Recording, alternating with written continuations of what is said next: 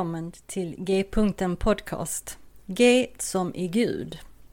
Jag heter Monica Albin och detta är en podcast för oss som är på en resa i tro och liv, i andlighet och allt som har med Gud att göra. Vad nu Gud betyder för oss. En öppen atmosfär där inga frågor och funderingar är dumma och där vi tillsammans ska få vidga vyerna. G-punkten betyder att Gud är mittpunkten, i centrum av samtalen och genomsyrar allt och alla och därifrån är vägarna öppna att fortsätta framåt och utforska nya vyer. Samtala de stora frågorna på ett vardagligt sätt hoppas jag att podcasten ska kunna erbjuda. Tack för att du vill vara med på den här resan. Så välkommen på resan mot G-punkten.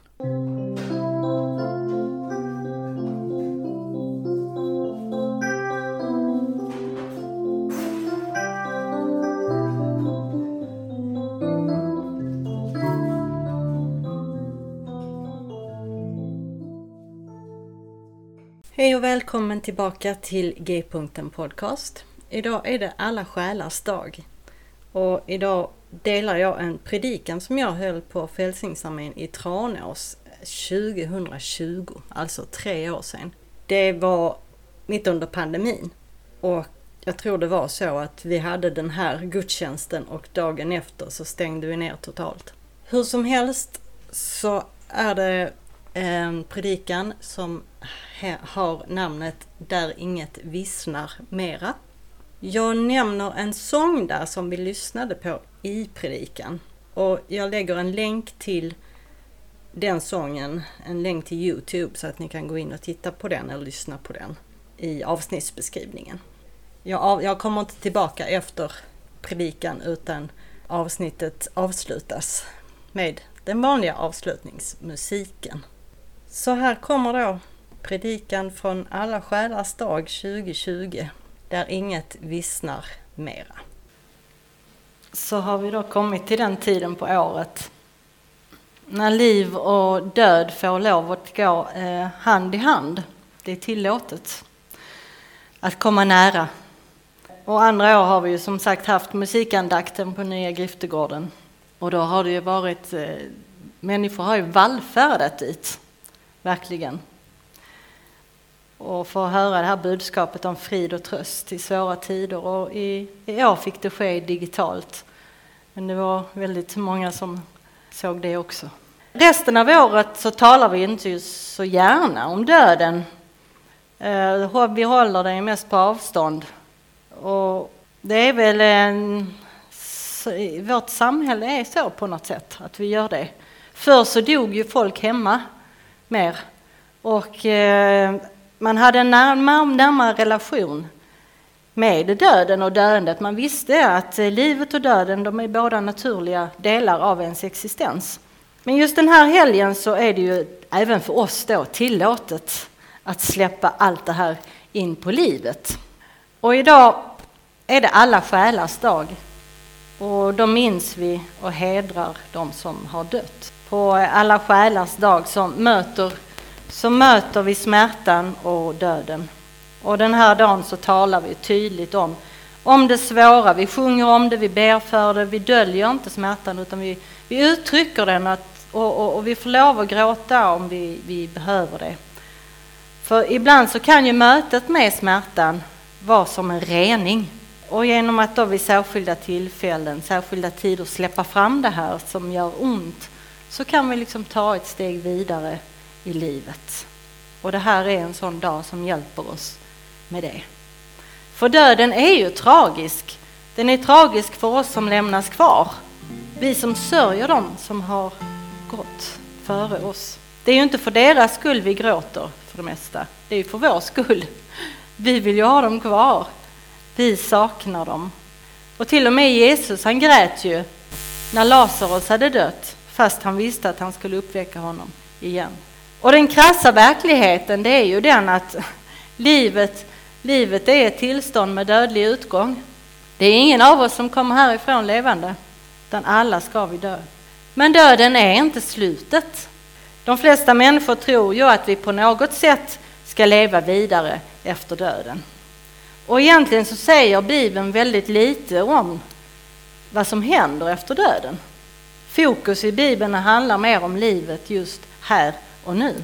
Men vad man kan finna så står det väl ungefär så här. Att när vi dör så hamnar våra kroppar i jorden på ett eller annat sätt.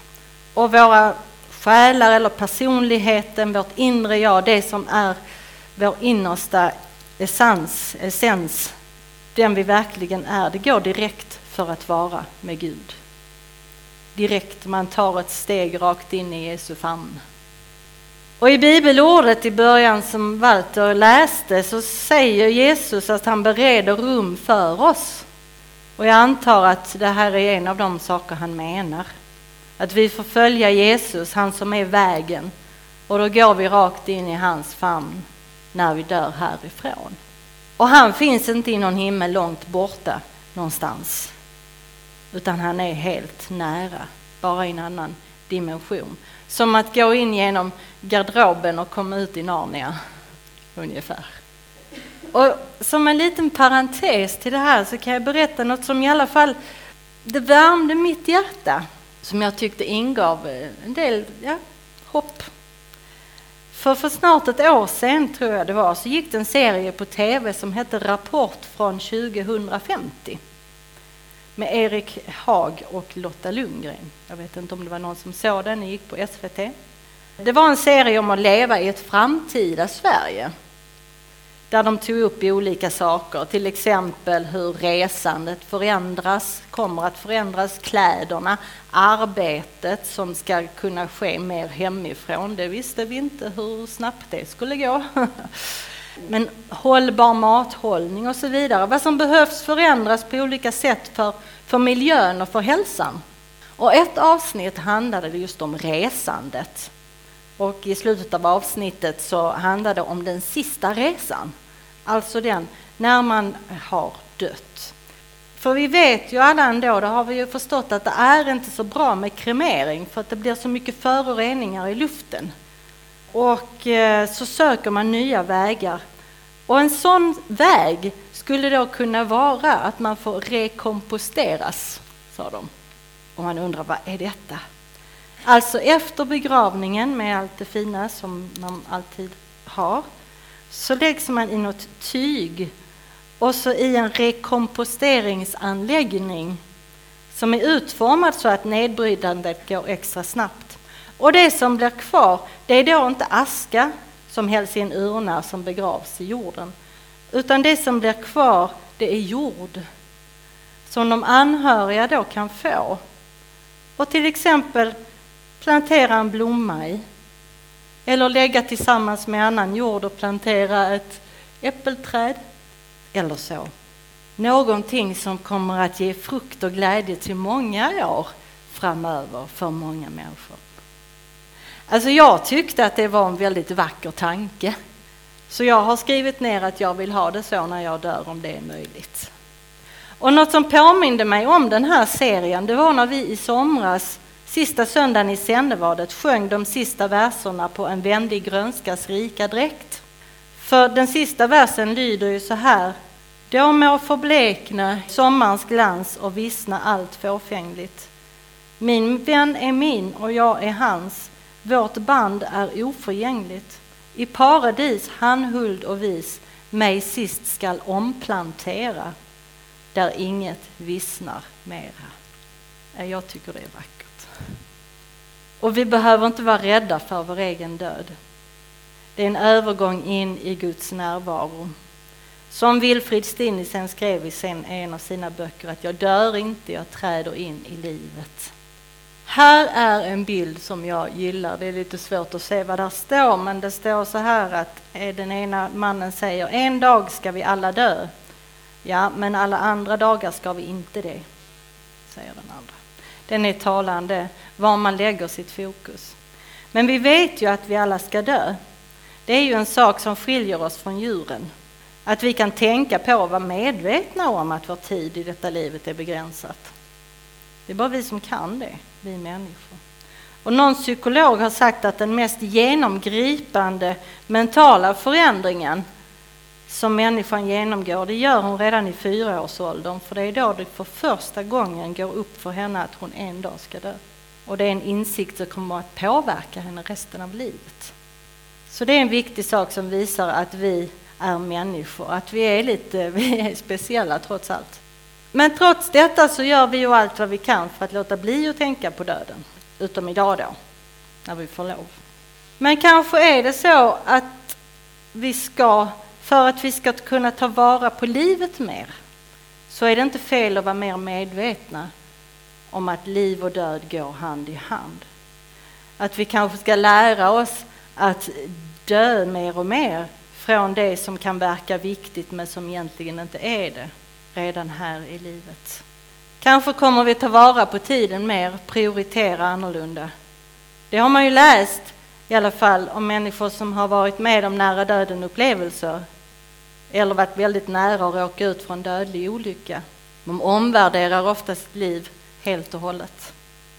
Det finns så mycket som vi tror är viktigt men som kanske egentligen inte spelar så stor roll. Och om vi är mer medvetna om döden så tror jag kanske att vi inte kommer att stressas till att springa runt i det här ekorrhjulet lika mycket. För karriär och statussymboler de blir inte så viktiga längre. För vad spelar det för roll egentligen? Vi kan inte ta någonting med oss. I dödsögonblicket så är vi ensamma och vi kan inte förlita oss på våra ägodelar eller den position vi har i samhället.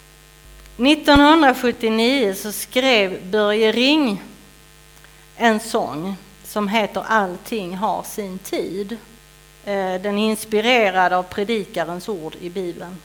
Och jag tänker att vi ska lyssna på den sången här nu i predikan. Och eh, texten kommer här på filmduken. Jag dör inte, jag träder in i livet. Så kan vi säga var och en. In i Guds närvaro, in i Guds famn. Och att vara i Guds närvaro efter vi har dött, det kan vi bara spekulera om hur det blir. Och vi kan alla ha olika uppfattningar om det. Mark Levengood, han har berättat att han tänker att livet är som en lång simtur i lite för kallt vatten. Och när vi dör kommer vi fram till en strand där Gud står med en handduk, bullar och varm choklad och säger det var väl inte så farligt. Och vi svarar jo, det var hemskt farligt men väldigt roligt. Idag brukar vi tända ljus och hedra och minnas de som har dött och det ska vi få tillfälle att göra här idag också, alldeles strax. Vi ska ta gott om tid för det. Vi ska låta sorgen och smärtan få lov att vara närvarande. Vi ska lyssna till musik och vi ska få lov att eh, gå fram och tända ljus. Och jag känner mig tjatig, men jag måste säga det, vi måste hålla avstånd. Så att eh, alla får tillfälle. Vi tar den tid det behövs. Jag ska först läsa några verser ur sång 308. När jag lever har jag dig. Dör jag är du kvar hos mig. Om jag lever eller dör, dig, o Herre, jag tillhör. I din hand mitt liv är lagt, din min dag och din min natt. Ont och gott, vad än mig sker, du och Gud en mening ger. Gud, för dig finns ingen död, ej för den som dig tillhör. Gränslös kärlek, salighet är det liv som du oss ger.